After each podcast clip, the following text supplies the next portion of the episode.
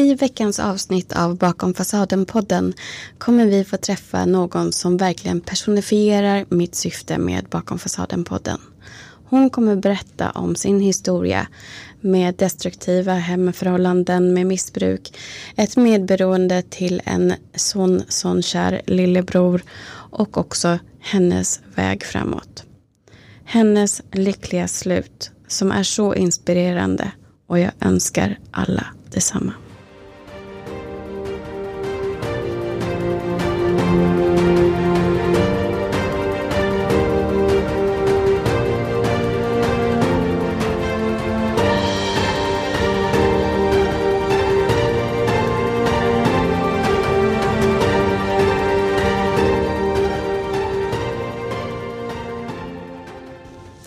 Då säger jag välkommen Martina.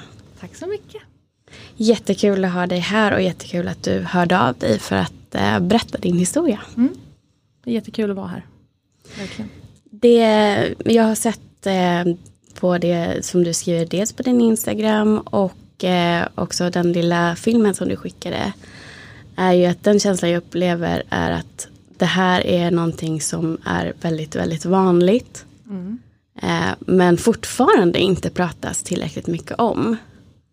Och eh, det gör ju att jag blir ännu gladare att ha det här idag. För att det finns då möjlighet att eh, lyfta upp det ännu mer i mm. ljuset.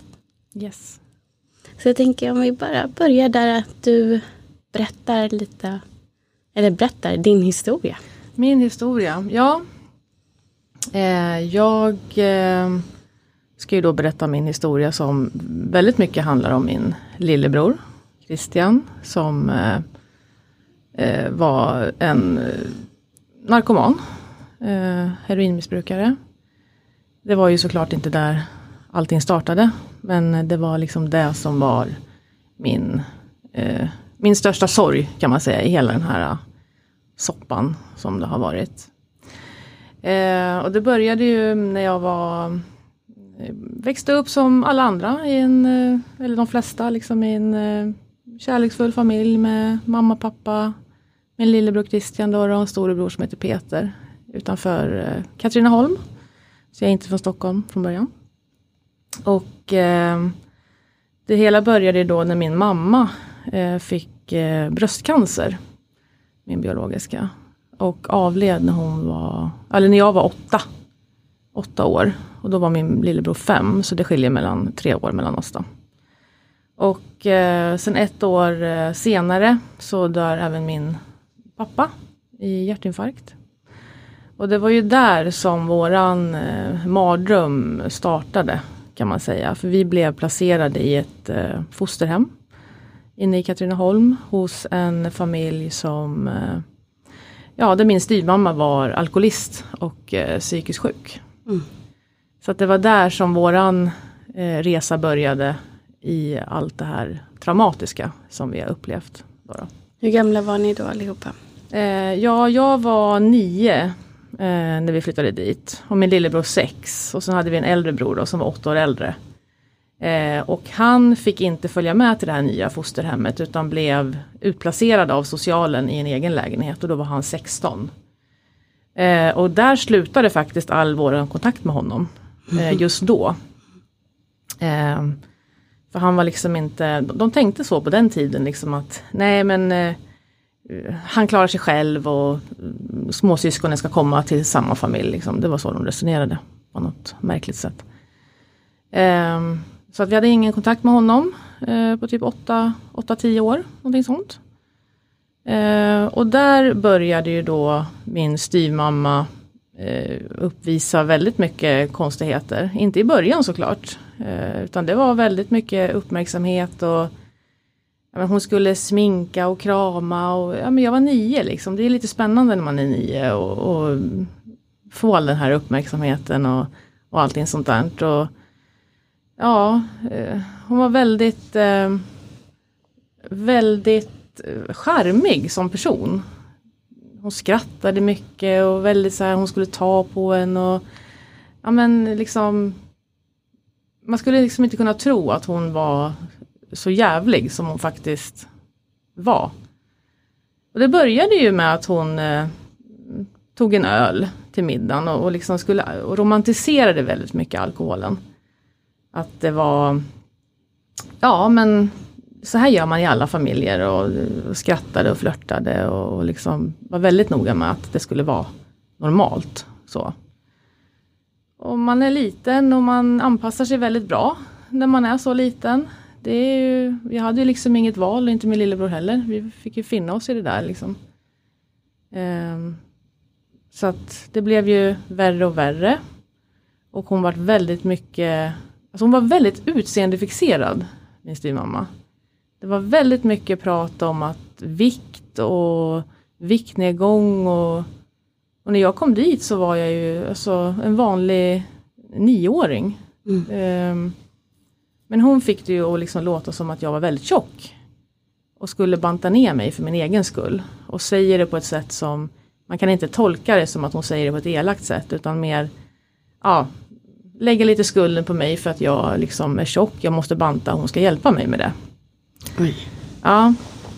Så att eh, det var då det började liksom den här eh, utseende och vikthetsen blev en väldigt framträdande del i vårat liv. Eh, och det var jag som blev den här eh, hackkycklingen. Min lillebror han var väldigt, väldigt tyst, väldigt, eh, ja han sa inte så mycket. Han, han liksom, när jag tänker tillbaka så ser jag honom lite som en skugga i våran barndom, för att han tog inte plats. Jag var lite mera framåt, jag var lite mera kaxig. Så. Eh, men det eskalerade ju väldigt mycket det här. Och, eh, och allt i samband med att hon drack då. då.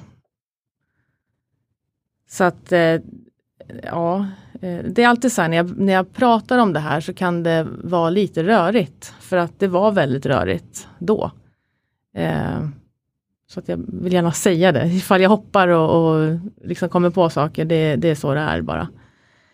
Eh, men de här, eh, det blev liksom kränkningar, eh, små glidningar blev kommentarer. Eh, till slut så fick jag ju heta hora. Alltså det gick så pass eh, långt. Var det när hon hade druckit eller även när hon var nykter? Nej, det var alltid när hon hade druckit. Eh, så efter ett par år så, eh, så hade man ju lärt känna det där att hon alltid hade Ja men hon, hon eskalerade ju sitt missbruk. Och då eskalerade ju även hennes eh, mående såklart. Och det fick jag väldigt mycket skit för. Så hon var ju väldigt provocerande och väldigt manipulerande liksom. Vi kunde sitta vid matbordet till exempel och hon kunde säga, ska du verkligen äta det där Martina? Med sån här len, hånfull röst. Och, och, jag kommer ihåg, eh, jag kommer ihåg en gång så, så, så skulle vi äta pizza. Eh, och så satt hon där och liksom, hon provocerade och provocerade. Och så det var, jag sitter där, men snälla kan vi inte bara försöka sitta här och, och bara äta den här jäkla pizzan. Alltså jag kommer ihåg att jag ville bara sjunka genom jorden. Liksom. Det var helt hemskt. Och just att hon skulle vända min bror mot mig också, och min pappa. För inte nog med att hon var liksom att hon skulle klanka ner på mitt utseende och att jag var tjock och liksom allt sånt där, utan hon började dra in sexuella grejer i det här också. Att hon började prata om att ja, akta dig när du somnar för din pappa kommer komma ner och knulla dig. Typ. Men gud. Ja, det var väldigt mycket sånt. Eh, ja, alltså övergrepp var det ju. Liksom när hon pratade sådär. Det, sen om jag blivit utsatt för övergrepp, det, jag vet inte. Kanske. Mm. Det är ingenting jag har minne av, men jag har en dålig känsla. Om man säger så. Men det har varit mycket, mycket snack om sex och liksom, ja, massa sådana grejer. Hur upplevde du pappan? Alltså var han bara där i bakgrunden eller? Ja, han var väldigt mycket i bakgrunden. Han blev ju själv medberoende skulle jag kunna tänka mig. Eh, och det lustiga var ju att han, han jobbade ju på ett behandlingsassistent, eh, behandlingshem för alkoholister. Eh, så att det var, nej, det var väldigt, väldigt eh, destruktivt. Eh, hela, ja, hela barndomen liksom. Eh, det kom liksom smygande. Det är väl ofta så som det ser ut med missbruk. Mm. Att det kommer smygande och det blir mer och mer normaliserat i hemmet. Och därför Mm. så blir det också mer, mer och mer på så sätt. Och jag har ju ingen aning om hur din nya pappa då resonerade. Om det blev för svårt för honom att inse att han har samma problematik i hemmet som han jobbar med dagligdags. Och att det blev för smärtsamt, det, det vet vi inte. Men oavsett så blev det ju en skada på er barn. Mm. Hur, eh, hur var då din, var det mest, jag tänker, du säger att det började när du var nio, att hon började prata om din vikt och sådana saker. Och det är ju rent skadligt såklart för ett barn att få höra sådana saker. Men jag tänker sen i tonåren så är man ännu mer självmedveten än vad du är som ett yngre barn. Precis. Och då kanske tog du till dig det på ännu värre sätt kan man säga så i, Ja. i tonåren då. Men det gjorde jag ju för att eftersom jag fick höra det så fort vi flyttade dit. Att jag var tjock och ful. Det var liksom, och det var ju inte bara så här du är överviktig, du måste, utan hon la ju in så här laddade ord också i det. Du är ful, du är fet, du är äcklig. Alltså det var typ sådana ord jag fick höra eh, hela tiden. Jag började ju tro på det där.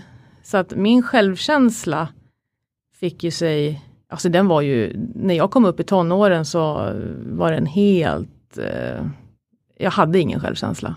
Jag kände mig lika värdelös och lika ful och lika fet som hon har sagt till mig att jag var. Eh, och det gäller ju även min lillebror, för jag menar hon hon var väldigt, eh, det, det var ju jag som var den här hackkycklingen. Det var, det var mig det var fel på. Och hon, hon höjde alltid min bror till skyarna. Att han har fått så fina drag och han är så fin. Och han, hon ville vända oss mot varandra. Men det där funkade ju inte. Det är liksom, jag hade en väldigt tajt relation med min lillebror. Eh, usch, nu blir det jobbigt. Eh, mm. Vet, vet du nu så här, nu bara spekulerar jag lite grann, men jag tänker ju att det här känns troligt att hon har varit med om samma sak och bär vidare till nästa generation. Inte att det på något sätt ursäktar utan bara kan kanske vara en förklaring. Absolut. Vet du om det var något sånt? Eh, ja, alltså hennes mamma var ju exakt likadan. Mm. Så att jag eh, förstår ju var det kommer ifrån.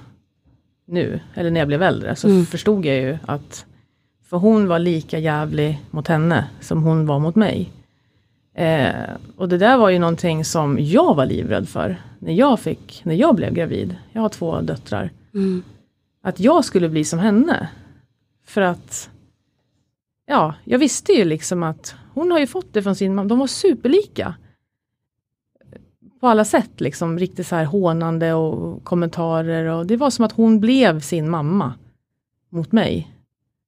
Eh, så att jag var ju livrädd när jag var gravid, alltså det var hemskt. Jag gick hos psykologer och allt möjligt för att gud, ni måste kolla nu så att jag inte blir som henne och, och verkligen så. Men där tror jag att bara att du var medveten om det och hade den rädslan blir nästan som en garanti att du inte kommer bli likadan. För du har redan koll på exakt hur det kändes.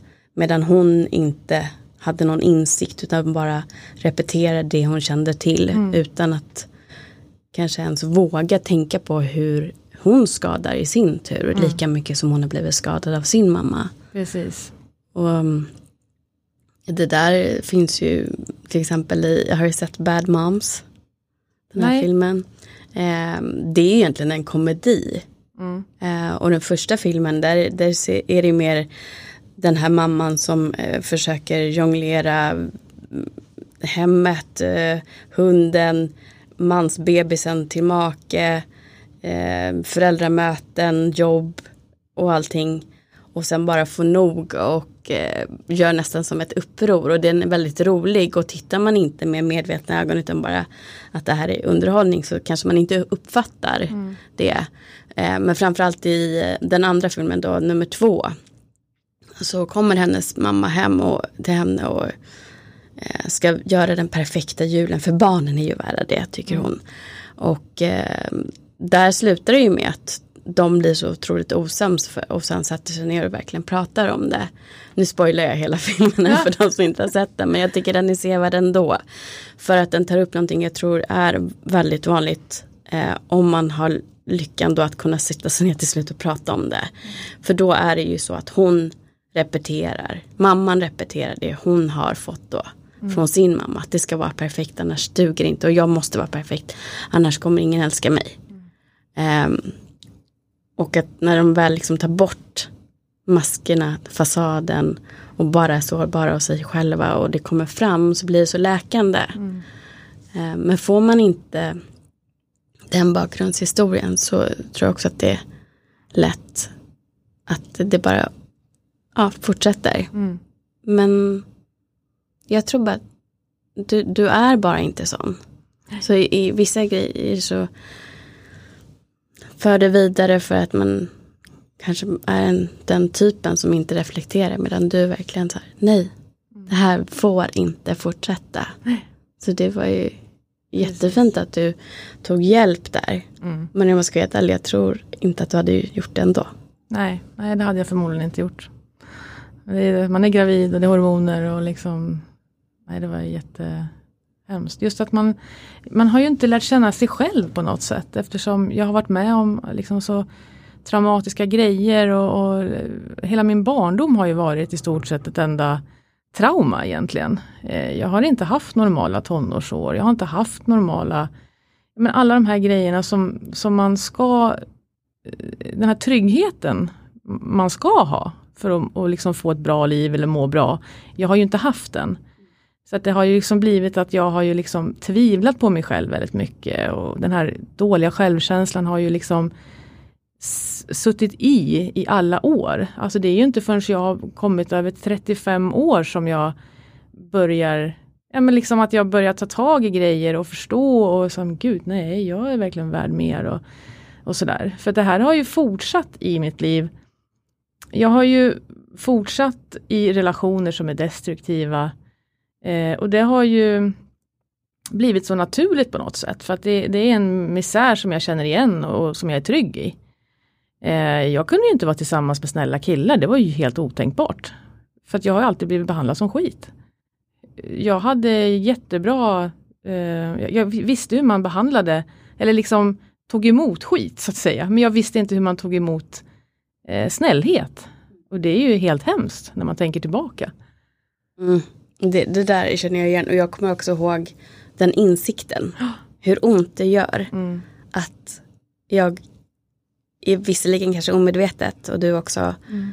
ändå söker oss till det vi känner till. Nu hade mina det, det andra orsaker men jag känner ändå igen det till att man så klassiskt söker mm. sig till det som är bekant. Mm. För det kan jag hantera. Exakt. Medan de som var lugna och trygga och mm. faktiskt bara ville vara snäll mot den mm. och ge en kärlek det hade jag ingen aning om hur jag tog emot. Jag kan inte ta emot någonting jag inte heller tror att jag är värd. Exakt. Och det är Precis. där det blir problem. Exakt. För då antingen så ger man sig in i det och försöker men känner, känner ingenting inom situationstecken mm. för att det känns obekant. Mm. Eh, och kanske saboterar för att man känner inte sig värd det de ger. Eller bara gör slut för att det upplevs inte som det här eh, stormiga passionen som man har fått lära sig att kärlek är. För den kärleken man har sett från en förälder eller eh, ja, någonting i, i den tiden där det skapas en anknytning. Är det stormigt och oförutsägbart då blir det samma sak man söker sen när man går in i kärleksförhållanden. Mm. Och det här är anknytningen med ambivalent betyder just att det är ambivalent. Att du kanske har en förälder som ena dagen är i balans och kan ge jättemycket kärlek och ge en exakt det man behöver. Mm. Medan en annan dag kanske är en dålig dag. Och då går du dit och förväntar dig att det här gick ju bra igår. Mm. Åh, kan jag få en kram idag också? Och då är det inte alls en bra dag. Vilket är väldigt tydligt om det är alkoholism till exempel. Mm. Och då kanske du får en knuff till och med istället. Och då lär du dig att du kan aldrig veta vad som kommer. Nej, precis. Och det var ju exakt så det var. Mm. Jag visste ju aldrig när jag kom hem ifrån skolan hur det skulle vara hemma. Vad skulle jag få skit för idag? Hade jag inte städat ordentligt? Hade jag ätit för mycket? Hade hon, skulle hon kolla på att jag hade tagit en extra macka ur den här Skogaholmslimpan? Alltså det var väldigt mycket sånt. Och att jag aldrig kunde få känna mig safe. Liksom. Eh, och det, var, det, det påverkar ju väldigt mycket såklart. Eh, sen, sen, hade vi ju det här, eh, min lillebror, eh, som jag hade en sån otrolig eh, Alltså vi, det, det, vi hade ju en väldigt skev relation egentligen eftersom jag var väldigt vuxen eh, som barn. Jag tog ju hand om honom och ja, det blev ju det när vi flyttade dit, liksom, han var sex år. Jag brukar tänka på det, herregud när min dotter var, eller mina barn var sex år. Vi samsov och liksom de väldigt sådär äh, skulle ha trygghet och ville inte sova själva och sådär. Eh, men det var ju ingen, ingenting sånt att skulle se till att vi var trygga eller prata med oss utan det var ju bara tjoff tjoff in i ett ny, nytt hem. Och då vände ju han sig till mig, för jag är hans trygghet. Så så han kunde ju vakna av mardrömmar på nätterna och det var jag som gick in och, och liksom tröstade honom och, och sådär. Och ehm, det är där jag har fått den här ett, enorma överlevnadsinstinkten tror jag. Att eh, jag måste ju se till att klara det här liksom, för oss båda. Och det, alltså det är sjukt jobbigt att prata om det här. Åh herregud alltså, det är när man går tillbaka eh, just, just med min lillebror, det är liksom som ett öppet sår ibland. Det förstår jag. Eh, och det var ju det som var så sjukt knäckande när han eh, började ta, liksom umgås med fel personer så att säga.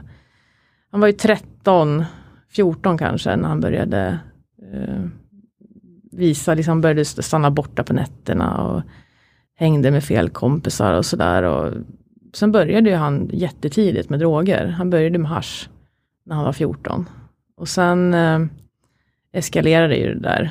Eh, och då vet jag att det hatet jag hade när jag fick reda på att han hade tagit sin första drog.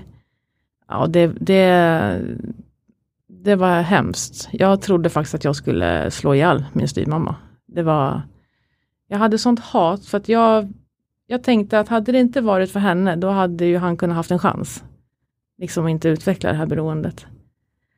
Um, så det, det, var det är verkligen så starkt minne, liksom att jag bara går in i lägenheten och, eller i huset och bara skulle ha ihjäl henne. Det var min känsla. Och jag kan förstå det för att jag är jättenära min syster. Mm. Och den här beskyddarinstinkten, man blir ju som ett lejon när någon mm. gör mm. den minsta illa. Mm. Så jag kan verkligen förstå utifrån mm. liksom, dina tankar och känslor där och då. Hur fick du reda på att han hade tagit någonting? Han berättade det. Okay. Eh, och han mådde inte så bra. Så att den första upplevelsen av det här den här haschet han rökte var inte så bra, utan han mådde väldigt dåligt, han var väldigt konstig och sådär. Och, och, jag tror att det är nog min första riktiga så här att jag måste fixa det här. Eh, och den här början till det här medberoendet, det var just då när han berättade det. Okej, okay, nu måste jag lösa det här. Eh, och jag har alltid varit sjukt bra på kriser, alltså sen jag var barn. Eh, men det kunde jag ju inte riktigt och det, var, det blev ju början, det var startskottet alltså på en, eh, en väldigt lång eh, resa i mitt medberoende. Där jag själv fick extrema konsekvenser av det här. Eh, så när han var 18 så började han med heroin. Och han försökte dölja det där för mig eh, jättelänge. För han sa hela tiden att jag är spruträdd, jag skulle aldrig ta sprutor. Oh, gud vad skönt då, tänkte jag. Alltså man flyttar ju fram sina gränser hela tiden när man är med om saker. Okej, okay, ja men okay, då var det inte så farligt igen, liksom att han röker hash hemma. Eh, för jag hade en lägen, egen lägenhet när jag, flyttade, eh, när jag var 17. Så flyttade jag hemifrån. Eh, och han bodde hos mig ett tag då. Och då var det inte så farligt om han rökte hash, bara det inte heroin. Och bara det inte är det. Alltså det, man flyttar ju fram verkligen sina uh, värderingar på något sätt. Um, Nej men sen var det ju att han eh, tog sin första överdos och jag fick reda på det. Uh, hade fått hjärtstillestånd. Uh, och fick åka ambulans då. Uh, och, och, där började ju hela den här resan av att jag skulle rädda honom. Ehm, ja, jag gjorde verkligen allt. Kan du ge lite exempel på vilket uttryck det medberoendet kunde ge? Vad du gjorde? Eh, jag ringde honom typ 20 gånger om dagen. Bara för att höra vad han har tagit, hur hans sinnestillstånd. Eh, ville alltid ha koll på var han var någonstans. Kunde liksom eh, ja, bara ha koll och försöka släcka bränder hela tiden. Han mår inget bra, nej men då om jag kanske får honom att må bättre om jag gör så. Eh, han frågade jättemycket om pengar och sådär. Han snodde pengar av mig också. Eh, och jag gav han det för jag ville att ja, men det är bättre att jag ger honom pengar än att han får tag på det ändå. Liksom, så så att det var just det här ständiga jagandet efter honom och han stängde av luren för att jag inte skulle få tag på honom. Alltså det var väldigt mycket sådär. Och även det där eskalerade ju brutalt liksom. Jag hittade ju honom medvetslös hemma. Med liksom kanyl bredvid armen. Eh, och fick liksom slå igång han nästan. Alltså visste inte om han var död eller levande. Så det är väldigt mycket sånt. Och just att en period så hade han, eh, han var hemlös. Och, och, då, nu pratar vi flera år senare då, när vi båda bor i Stockholm. Eh, och liksom han fick bo hos mig, så jag, jag, lyckades, jag satte ju inga gränser. Det var ju det, han fick knarka hemma hos mig om han ville. Han tände av hemma hos mig. Eh, bara jag hade koll på honom så, så var det liksom fine. Det är ju ett väldigt tydligt drag av medberoende just att du, du vågar inte sätta gränser för att du tänker att ditt gränssättande ska göra det värre mm. för den personen som missbrukar eller mår dåligt. Mm. Att om jag säger nej du får inte knarka här då kommer han göra det någonstans där han kanske dör. Mm, exakt. Att det är det. Och sen så är det ju också så att eh, du utvecklar hypervigilance, att det liksom blir, det är ganska likt att vara högkänslig. Mm. Eh, men att du utvecklar det i ett medberoende. Mm. Att du har sådana extrema känslospröt ute hela tiden för att försöka ligga steget före. Mm.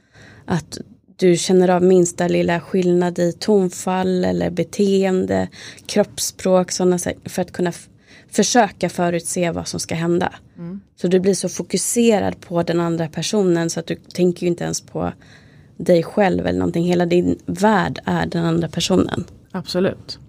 Ja det där är väldigt intressant. För att han brukade alltid säga att Men hur, hur kan du se på mig när jag har tagit drog? Jag har ju knappt tagit någonting. Nej men jag ser. Jag ser om du har tagit en Alvedon. Jag har en jäkla radar alltså. Och det är ju det, är det att jag, precis som du säger, jag bara ville ha känselspröt utåt och bara liksom kolla av läget, hur är det idag? och glömmer bort mig själv fullständigt. Mm. Eh, och så var det ju liksom att när jag inte kunde ha koll på honom och han liksom drog sig bort och det har jag ju tänkt på efterhand. Nej men då hamnade jag i, i en dysfunktionell relation istället. Så att all min fokus kunde vara i den relationen. För när han försvann så liksom fick jag ju inget syfte längre. Vad ska jag göra nu? Ja men, gud, vem är jag egentligen? Och så var det ju hela tiden, så att det var väldigt mycket sådär uh, upp och ner, upp och ner. Och, och det blev ju nästan, jag har funderat på det i efterhand sådär att så det blev nästan som ett beroende. Det blir det. Ja. Du, du blir ju beroende av att vara behövd. Precis. I och med att du har satt ditt värde i att vara behövd, att det är mm. likhetstecken med att är jag behövd, är jag älskad. Mm. För att du söker dig ofta till personer också som inte har kanske fått lära sig att uttrycka kärlek mm. på ett sånt sätt så att du vet om om det finns där eller inte. Då försöker du själv sätta det, ja men han behöver mig i alla fall. Eller hon behöver mig i alla fall. Och så länge du får se att du är behövd, om de hör av sig när de behöver hjälp eller inte mår bra eller vad det nu är. Då tänker du, åh nu fick jag ett kvitto på att jag är älskad. Mm. Och då vet du inget annat. Nej. För du har aldrig sett något annat. Nej. Så det är klart man tar med sig det in i relationer. Ja, exakt. Var någonstans ungefär i ålder är vi nu? ja nu är vi kanske 20. Mm. Eh, när det blev så himla extremt allting. Och just det när jag säger att det blir som ett beroende. Eh, jag kunde ju kicka på de här uh, känslorna av att för det första han kanske inte svarar i telefonen eller att uh, den var, har varit avstängd i flera dagar. Jag var tvungen att efterlysa honom, eh, ringa runt till sjukhus och den här känslan då att gå från fullständig skräck och avgrunds eh, liksom rädsla till att faktiskt, ja jag hittade honom på sjukhuset. Den, den toppen blev, det blev, det blev sådana skjutsar i mitt eh, mående. Liksom, så det blev nästan som en liten kick. För den känslan jag hade när jag hittade honom var ju helt enorm. Alltså jag har ju varit euforisk. Då var mission complete för den här gången, lite så. Eh, och det där är ju någonting som har, så det har ju påverkat hela min kropp, alltså inte bara mentalt men väldigt mycket fysiskt också. Att, eh, ja, att det har blivit som en, som en vana, att min kropp liksom ställer sig i stridsrustning. Okej, okay, nu är det dags, nu ska vi fightas. Och så gör man det och så går man tillbaka. Alltså det blir lite så här. Kortisol, hej. Ja men typ. ja, så att eh, ja, det var väldigt mycket så. Nu kommer jag av mig. Vad, ja. Men just det där att du, du var där. Han, han var hemlös. Mm. Får bo hos dig. Mm. Eh, du älskar känna dig behövd. Mm. I ditt medberoende. Mm. Och får då kickar när du väl hittar honom när han är borta. Mm. Hur länge pågår den här valsen? Den pågår nog ja, ungefär till jag var 30 tror jag. Så ungefär, det har väl pågått då i, om han började ganska grovt att hålla på runt 18, så 12 år kan man väl säga. Som jag var verkligen aktiv i det här äh, katt och råtta leken. Eh, för då, och, och, under den här tiden så har jag haft väldigt destruktiva relationer då, då såklart. Eh, men jag träffade mina barns pappa faktiskt, eh, när jag var 30. Och där blev mitt liv lugnt. Och jag fattade ingenting. Och det här alltså var en människa som inte har några problem, inga droger, ingen psykisk ohälsa. Så du förstår ju, jag var ju helt, vad är det här? Jag kan inte hantera det här. Och nu kommer alla som känner igen sig i din historia nu. Hur hittade du den här mannen?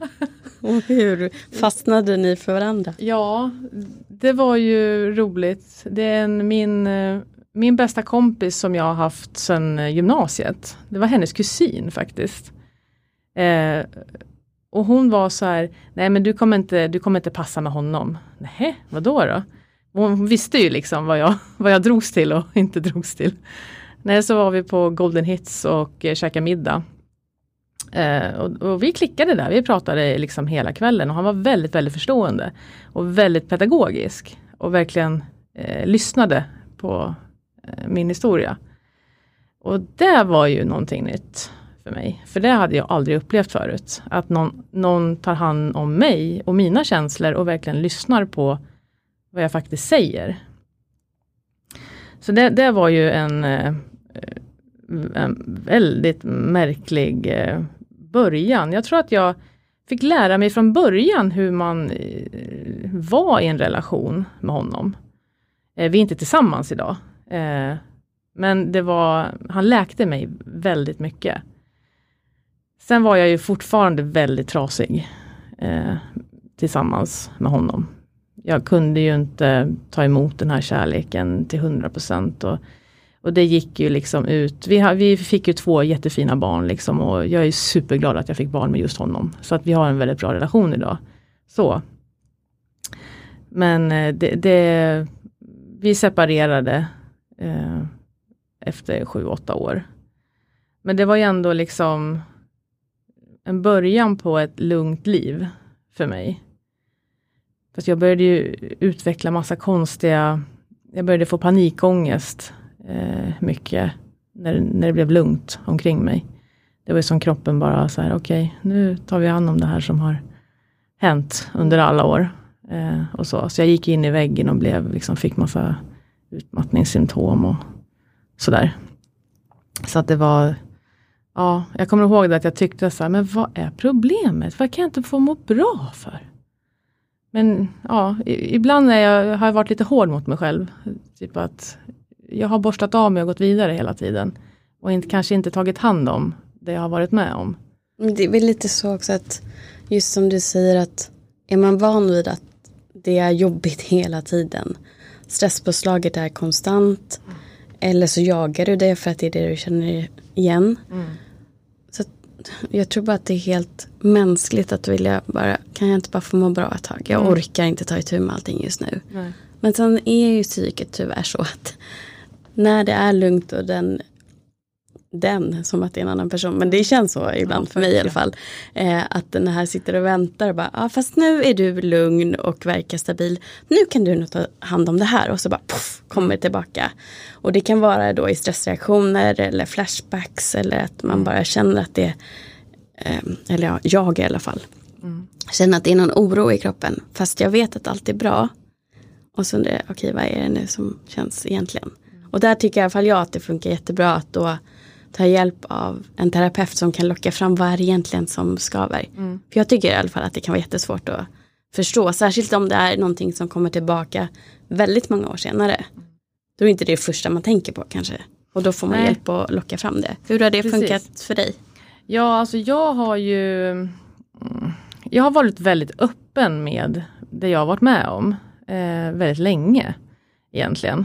Eh, och eh, det har ju varit, jag har skrivit mycket, jag har bloggat och, och liksom sådana grejer. Det har ju hjälpt mig mycket för att eh, jag såg ju hur, vad det gjorde med min lillebror. Även i hans missbruk och fullständiga misär så blev ju han inspirerad av mig. När jag hade släppt det här eh, medberoendet för att det gick ju faktiskt över.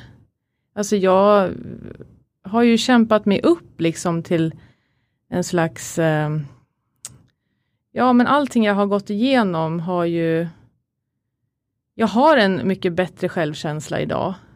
Och jag gör, jag kan sätta gränser och, och det gjorde jag ju även då när jag hade barnen, för då blev ju de mitt fokus. Och då klingade ju det här medberoendet av. Jag var fortfarande medberoende, så jag fattar inte hur mitt barnets pappa, hur han pallade med mig. Alltså att jag måste ringa hela tiden och sådär. Men det klingade ändå av. Um, och jag, jag, jag, började sätta gränser och, och, sa det att jag visste att han inte hade någonstans att ta vägen. Men jag sa så här, nej du får faktiskt inte komma hem till mig. För att du, du är aktiv och jag vill inte att mina barn ska se det. Och han var ju inte så här, han, han fattade ju. Så, men det var ju ja, det var så fruktansvärt tragiskt. Så då visste jag liksom att ja, nu är det mitt i vintern och han är inne i något soprum någonstans. Men jag var tvungen. Det, jag var tvungen att ta den eh, liksom, smällen. Jag, nej, det räcker. Lite så. Och efter de gränssättningarna så började jag må väldigt mycket bättre. Det är jättehärligt att höra dig säga det. För att det är så viktigt att andra får höra det. Ja. Just som känner igen sig i medberoende oavsett om det är känslomässigt eller till en aktiv mm. missbrukare. Mm. För att just det som man är så rädd för att faktiskt säga nej, men nej nu får det vara nog. Jag orkar inte längre. Mm. Och så börjar man sätta gränser. För mig var det exakt så som du säger. Alltså jag kände mig så fri. Mm. Det var verkligen så här som att, åh, jag kan flyga nu tror jag, för jag blev så lätt mm. i känslan. Men samtidigt så, så kan det ju vara en lång väg dit just för att man brottas med känslor av att man överger den man älskar. Mm. Eller att man eh, kommer ställa till det för dem. Fast sen när du märker att det är ju precis det här med gränssättning som de också behöver. Mm. De behöver förstå att de har ansvar för sitt eget, vad det nu än är, med sitt liv. Precis. Och att älska dem är också att sätta gränser och lita på att de tar ansvar. Mm. Ja, precis. Ja det, var ju, ja, det var väldigt befriande faktiskt. Jag hade fått nog kan man säga. Mm. Och, och var så jäkla arg. Ja. Och bara så här, gud jag tycker inte ens om den där människan. Och, och det är ju för att han kunde bete sig som ett Alltså som ett svin verkligen. Snodde pengar och liksom Ja men det det här typiska liksom. Och jag bara försvarade honom och liksom, nej nej nej min, min fina lillebror liksom. Men han var inte så jäkla schysst alla gånger. Nej Så. men det är ju så att man vet innerst inne, eller vilka de är innerst inne. Och det är den personen som man håller fast vid. Mm. Där kan jag också dra likhetstecken till det, när jag var medberoende till män som jag var kär i. Att jag, jag visste vad som fanns där i, jag visste potentialen och höll fast vid den. Och trodde att, man gör, att jag gjorde någon tjänst som att försöka lyfta dem hela tiden. Men du ser vad det kan bli. Och det är nog väldigt tydligt också om man lyssnar på första avsnitten av podden. Att jag var väldigt fast där i. Men sen så inser jag också, och likadant med dig och din bror, att kärleken behöver inte försvinna till den här personen som de är innerst inne.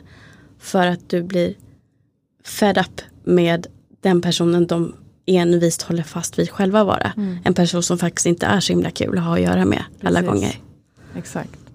Och det tror jag blev en eh, väldigt mycket Våran relation ändrades väldigt mycket. Vi kunde helt plötsligt bli vanliga syskon igen. Vi behövde inte ibland så här, men gud jag har inte pratat med honom på en månad. Det är ju helt galet. Med tanke på att jag har ringt så många gånger förut och sådär. Och han kände sig nog att, för han brukar alltid tjata på mig liksom att, ska du inte ta hand om ditt eget skit? och liksom verkligen så här, jag bara, va? Vadå? Jag ska rädda dig om du vet så här. ja men det var verkligen, han hade, ja det var, vår relation blev extremt mycket bättre efter att, och jag är så himla, Oh, det blir så känslosamt. jag är så himla glad för det. Att, för det, det, det blev ju så att han, han avled eh, 2017 i en överdos. Eh, Så alla de här eh, rädslorna jag haft liksom att hitta honom eh, eh, död blev ju sanna. För det var jag som hittade honom i en, hans lägenhet som han hade lyckats få från SOS. Hans första lägenhet i hela hans liv.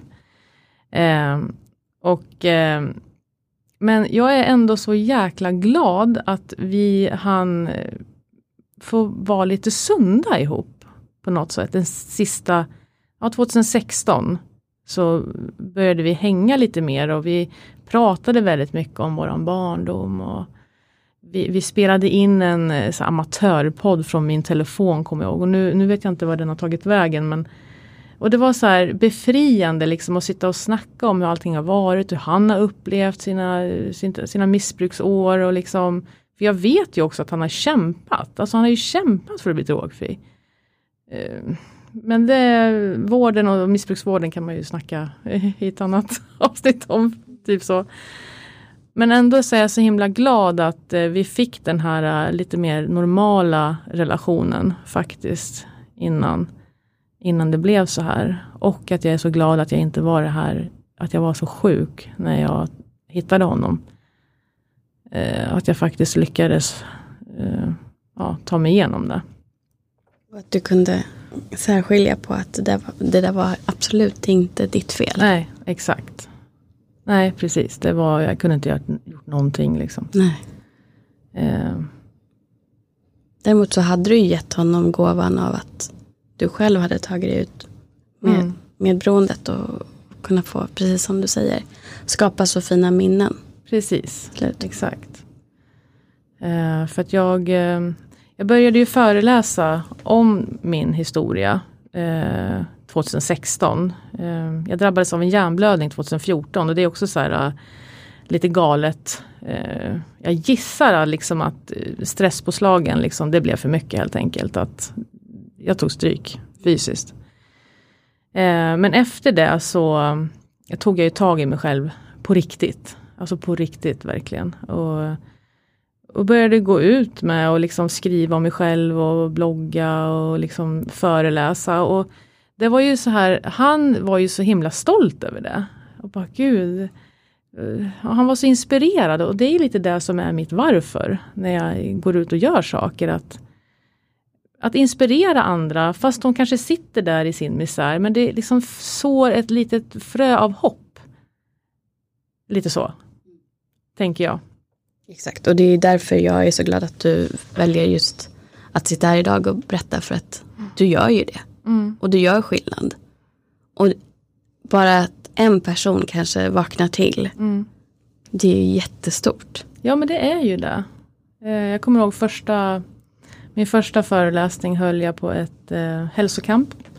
Och eh, han var med i eh, publiken då. Han var jättenervös och han var drogfri och nykter för det var ett krav. Annars skulle han inte få komma dit och liksom sådär. Och han, och han sa så här, men du syrran, eh, alltså försköna ingenting nu utan alltså det, det är sjukt starkt det här. Försköna ingenting utan berätta din historia som du upplever den och tänk inte på att jag sitter här. För han vet ju liksom hur, hur mycket på, alltså, hur påverkad jag blivit av hans liv. Och just att han säger det liksom och det var och alla i publiken var ju så här, de ville ju veta när jag hade föreläst klart, de ville ju prata med honom. Bara, hur mår du nu? Och, liksom, och han, han var så här, gud vad, vad mycket kärlek jag får. Och alla är så intresserade. Och det är också så här, men gud alltså, tänk om du bara kunde fatta eh, vad människor tänker om dig. Det, man ser inte missbrukaren liksom. Och, och det tar jag med mig, liksom. det är någonting jag brukar tänka på väldigt ofta. Liksom att det, det sitter här i hjärtat. Han, han är ju, i alla fall jag tror ju på ett, en andevärld och att, Mm. att de fortfarande är med oss. Eh, så han sitter ju säkert där fortfarande i publiken när du föreläser. Och Ja, men det, det tror jag. jättestolt. Ja. Det är väldigt känslosamt. Det, är- Det förstår jag. det, är- ja, det kickar igång. Jag har ju funderat, eh, eftersom jag skulle vara med här, så har jag ju funderat jättemycket på min resa. Liksom. Och det blir ju, ja, jag har gått igenom min blogg och liksom läst texter, jag har skrivit väldigt mycket och liksom, en dröm är ju att jag vill skriva en bok. Um, men det, det är mycket det här att vi som är medberoende och uppvuxna i dysfunktionella familjer, vi har ju det här att vi har inte upplevt strukturen. Eh, ingen struktur, ingen ordning liksom. Har, det, det blir lite som det blir och det har ju Det visar sig genom att, speciellt jag i alla fall, att jag har haft väldigt svårt att slutföra saker. Så jag tror ju att det kommer därifrån. Att jag måste liksom få den här disciplinen men jag ska jobba på det. Du kan gå en kurs Mm, där du får stöd och hjälp för varje steg för steg. precis. Det tycker jag du ska göra. Ja. Jag vill läsa din bok. Ja, jag vill skriva min bok. ja, nej det är väldigt starkt. Faktiskt. Det är klart. Och det, det är ju därför att det är personligt och det berör och det berör mig också. Och jag känner kärleken till honom bara här inne i rummet. Så det, är- det är ju det som gör att det är så viktigt att få nå ut och beröra andra Mm. och kanske hjälpa andra och få dem att förstå att det är så mycket kärlek men det är så svårt Precis. i den här situationen att kanske förmedla det.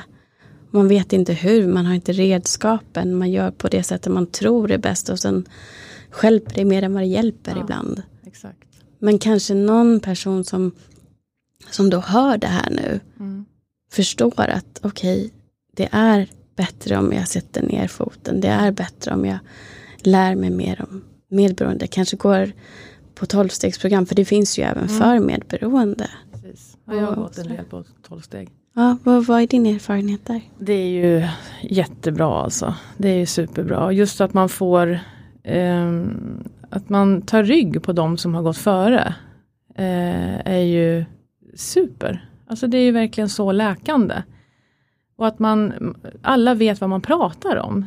Man behöver inte liksom sitta och känna sig som ett ufo, för att det gör man ibland. Man känner sig som ett ufo, malplacerad och man har varit med om saker som, som formar en och liksom så, och gör att man kämpar med grejer som andra blir så här, men herregud människa. Men man gör det, det är liksom så himla normalt. Ehm, så att det har hjälpt mig väldigt mycket.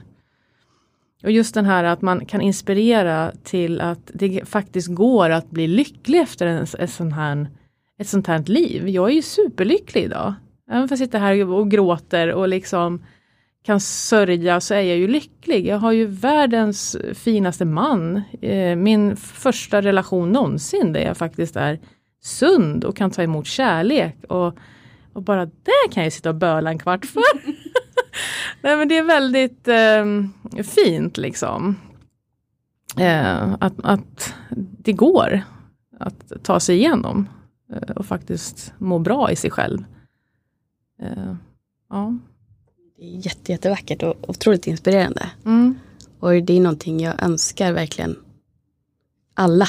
Mm. Att, att man ska få komma dit. Och att man också ska kunna ha det som målbild och veta att det är möjligt. Mm.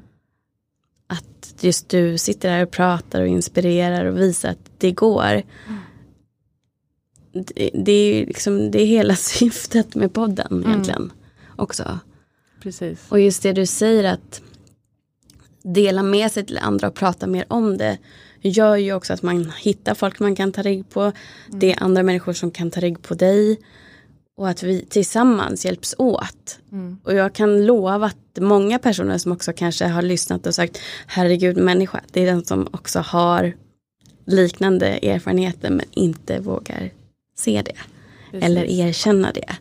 För att det här är ju otroligt vanligt. Men fortfarande pratas det för lite om det. Mm. Så att ju mer vi pratar om det, ju mer vi normaliserar och bara pratar allmänt om våra erfarenheter och våra liv. Alltså det gör ju också att vi ser människan. Mm. Och vi ser människan också bakom missbruket på ett Absolut. annat sätt. Ja, visst. För det är ju någons bror, någons son, någons syskon. Mm. Alltså allmänt alla har ju personer runt omkring sig som påverkas också Mm. av ett missbruk eller av, eh, av vad det nu är, ett känslomässigt, ja, en känslomässig avstängdhet. För det är ju egentligen samma, även om det någon kanske inte har ett missbruk, en sån problematik, så är det fortfarande problem- problematik som gör att människor runt omkring blir mer beroende. Mm. Vi blir sjuka av varandra, men vi kan också hjälpa varandra att bli friska. Absolut. Ja, så är det ju. Och sen jag brukar tänka så här, det är väldigt jobbigt att ha en insikt. För då måste man ju nästan göra någonting åt det. Det är ju det. Eh, Så att när man har den här insikten, herregud, shoot, gör någonting. För att det är liksom inte värt det. Men ta det som eh, drivkraft.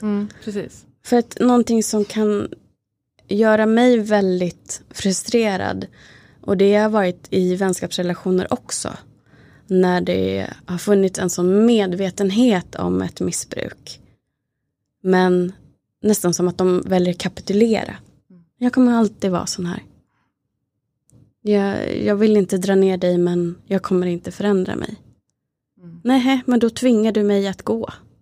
precis. Och det, det är så synd, för det är ju ändå människor som man bryr sig om, som man älskar.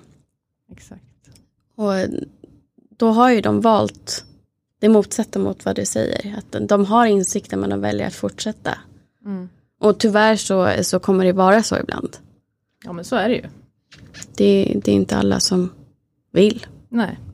Men då har ändå du har rätt att må bra, även fast någon annan mår dåligt. Exakt. Och det är där man måste faktiskt se in till att där har ju vi själva lika mycket som den som missbrukar också vårt ansvar över vårt välmående.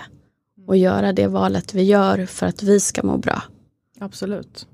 Och det är inte själviskt, det handlar bara om överlevnad Ja, egentligen. ja ganska basic egentligen.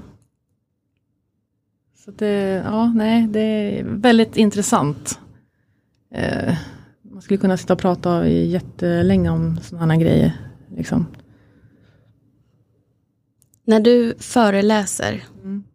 vad är det för, om vi skulle kunna få ner det till några få punkter vad det är du vill förmedla. För jag tänker också att de som ändå har lyssnat på det här, om vi kan sammanfatta till, till dem, vad vill vi att de ska ta med sig idag? Eh, jag vill att man ska våga prata om det man har varit med om. Och ta bort den här tabustämpeln som det faktiskt är. Att man känner att eh, nej gud, vem vill lyssna på det här? Eh, jag känner också så fortfarande. Men jag väljer att ignorera den för att jag vet att det bara är en grej från det, ja, en, en, liksom ett symptom från det jag har vuxit upp. Eh, men just det här, våga prata, öppna upp och liksom eh, att vi har så jäkla mycket kraft i oss. S som gör att vi kan, oavsett bagage, så kan vi liksom må bra.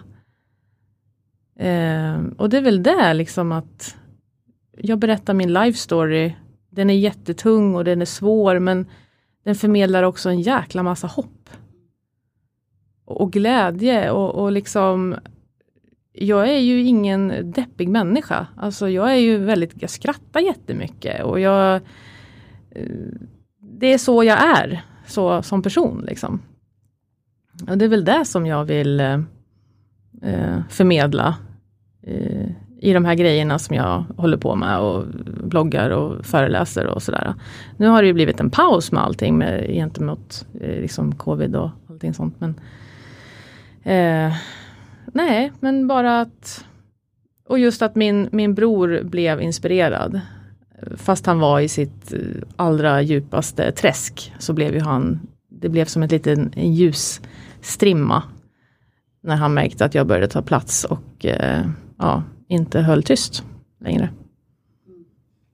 Jag tror att alla människor egentligen söker efter sitt syfte. Mm. Och när man hittar sitt varför, så som du också benämnde det, så ger det en som person en oändlig styrka på något mm. sätt. Och det spelar egentligen mindre roll vad du söker. Om det är så att du sätter ditt syfte i att eh, vara förälder eller att eh, du vill eh, jobba för en kvinnojour eller för män som har blivit misshandlade. Det spelar egentligen ingen roll. Mm. Utan när du hittar ditt syfte som är för dig mm. så kommer du nå ut oavsett vad du väljer att göra. Precis. Och det, det är så otroligt vackert att bara få sitta och lyssna på, på din historia och, och se dina känslor och mm. känna ändå Alltså du är så lugn och harmonisk i din energi. Mm. Eh, samtidigt som att jag känner att du, du verkligen är en lycklig människa. Mm. Och det är så otroligt fint att se och det är synd att ni som eh, lyssnar inte ser. Egentligen men jag hoppas, jag tror ändå att bara att lyssna på dig kommer förmedla samma känsla mm. och jag vill bara betona den. Eh, det har varit jätte, jättegivande att, att ha dig här idag. Tack snälla. Och jag tycker det, det, du rör vid hjärtat på allting och framför allt att du berättar att man kan vara med om många svåra saker. Men när man hittar sitt varför så når man ut och blir lycklig ändå. Och det går att bli och det går att lära om. Ja, det gör ju det. Det, det gör ju verkligen det. Jag har inga panikattacker idag. Det tog väldigt många år men jag har vägrat. Jag är ju jäkligt envis också. Mm. Jag väg, har vägrat och liksom anpassat mitt liv efter mina panikattacker. Um, för det är jobbigt.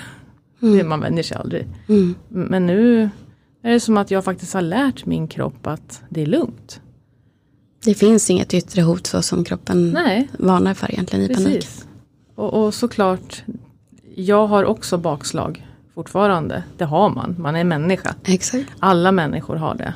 Eh, men då hanterar jag det och pratar med min väldigt sunda man.